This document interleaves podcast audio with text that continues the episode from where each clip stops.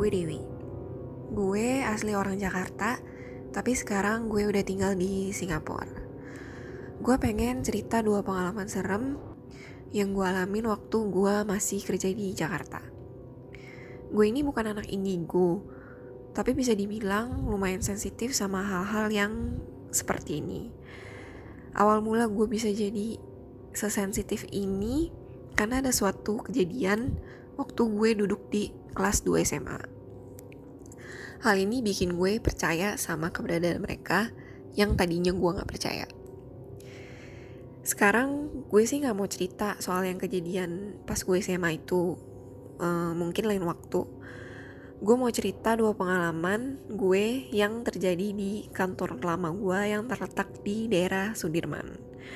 Dengar-dengar sih gedungnya ini dulu bekas kuburan, tapi gue nggak tahu itu benar apa enggak. Gue ini bekerja sebagai graphic designer yang di mana udah jadi makanan sehari-hari untuk lembur sampai larut malam di kantor. Sebelum kejadian yang akan gue ceritakan ini, gue tuh udah terbiasa di kantor si sendirian kerja sampai subuh.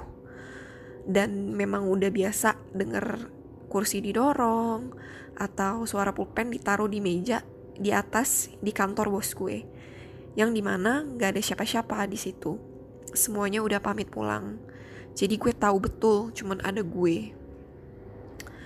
Dari yang awalnya gue mulai takut sampai gue bawa salib gue bawa kalung rosario sampai akhirnya gue terbiasa. Kayak pasrah gitu loh. Dan anehnya itu suara-suara ini munculnya di atas jam 10 malam.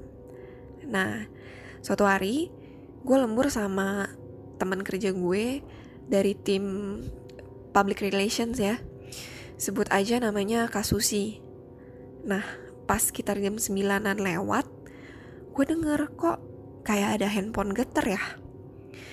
Gue kecilin lagu di komputer gue, terus gue tanya ke Kasusi, Kak, HP lo geter ya?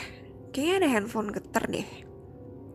Terus Kasusi jawab, bukan kak abis itu ya udah gue pikir gue salah denger nggak lama abis itu kak Susi bilang wi balik aja yuk udah malam.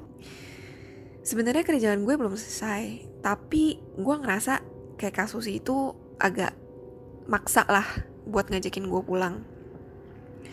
Jadi ya udah gue pikir oke lah besok gue lanjutin lagi datang pagian. Jadi gue beres-beres siap-siap pulang gue matiin komputer matiin AC absen dan gue matiin lampu kantor.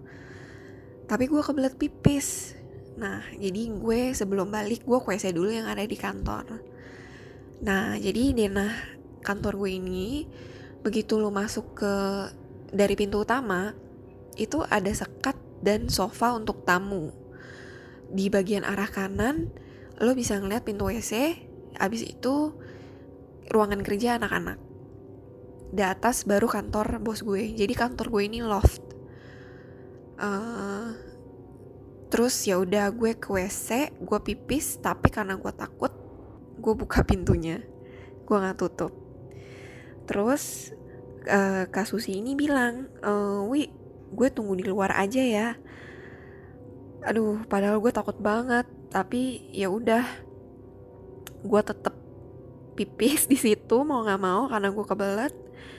Dan yaudah gue masuk WC keadaan kantor gue tuh udah gelap. Jadi kalau lu duduk di WC dengan pintu kebuka lo bisa ngelihat dua sisi kantor gue.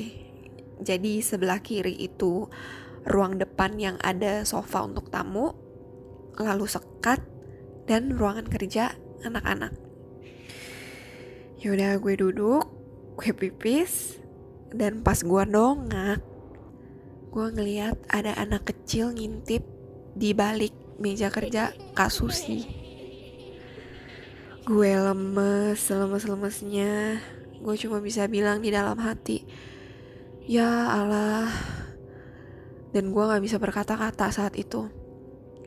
Lucunya jadi anak kecil ini ngumpet di belakang kursi. Dan begitu gue ngeliat dia dan dia ngeliat gue dia kaget terus dia menghilang karena gue gel karena keadaan gelap gue nggak bisa lihat jelas muka atau matanya. Tapi kelihatan parasnya itu anak kecil. Gue doa salam Maria gue selesai pipis gue keluar dan gue kunci kantor.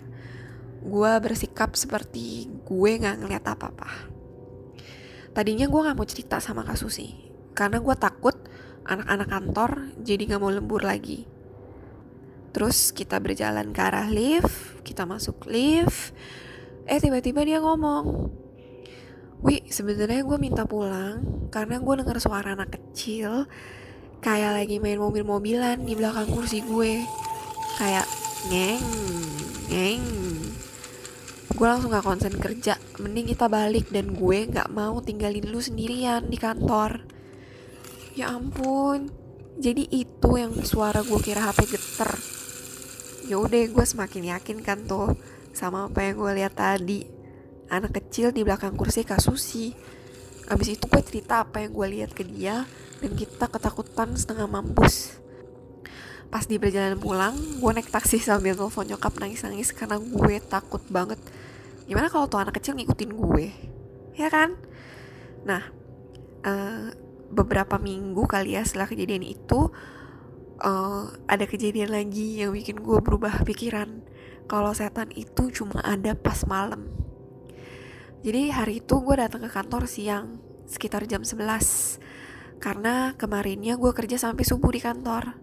Kantor gue itu di lantai 7. Pas gue di depan lift, kayak jalan ke arah lift gitu, ada lift yang pintunya mau ketutup. Terus gue bilang, stop, stop, stop, stop, tungguin saya. Nah, abis itu pintu liftnya kebuka lagi. Dan di dalam itu ada satu cowok pakai sweater hitam. Gue bilang, makasih ya. Karena dia udah bukain pintu buat gue lagi, pintu lift. Nah pas gue bilang makasih itu dia nggak jawab dan cuma pelan-pelan mundur ke arah belakang lift. Gue sih nggak gimana-gimana, cuma main HP aja di bagian depan pencetan tombol lift. Pas gue mau pencet angka 7, angka 5 dan angka 3 itu udah nyala. Ya udah dong, liftnya jalan. Sampai di lantai 3, orang itu nggak keluar.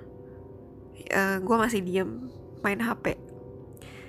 Ting, terus di lantai 5 eh dia nggak keluar juga nah di sini perasaan gue udah mulai gak enak gitu dan gue mulai doa bapak kami di dalam hati ketika sampai di lantai 7 gue keluar dan gue nengok udah nggak ada dong tuh cowok gue lari ke kantor gue nangis sejadi-jadinya. Lalu dibacain doa sama Mas S temen kerja gue yang lain. Dua cerita ini dulu deh yang gue mau ceritain. Gue masih ada cerita-cerita lain sih. Cuma supaya nggak terlalu lama durasinya itu aja dulu. Mungkin lain waktu gue bisa cerita yang lain lagi. Thank you ya yang udah mau gue dengerin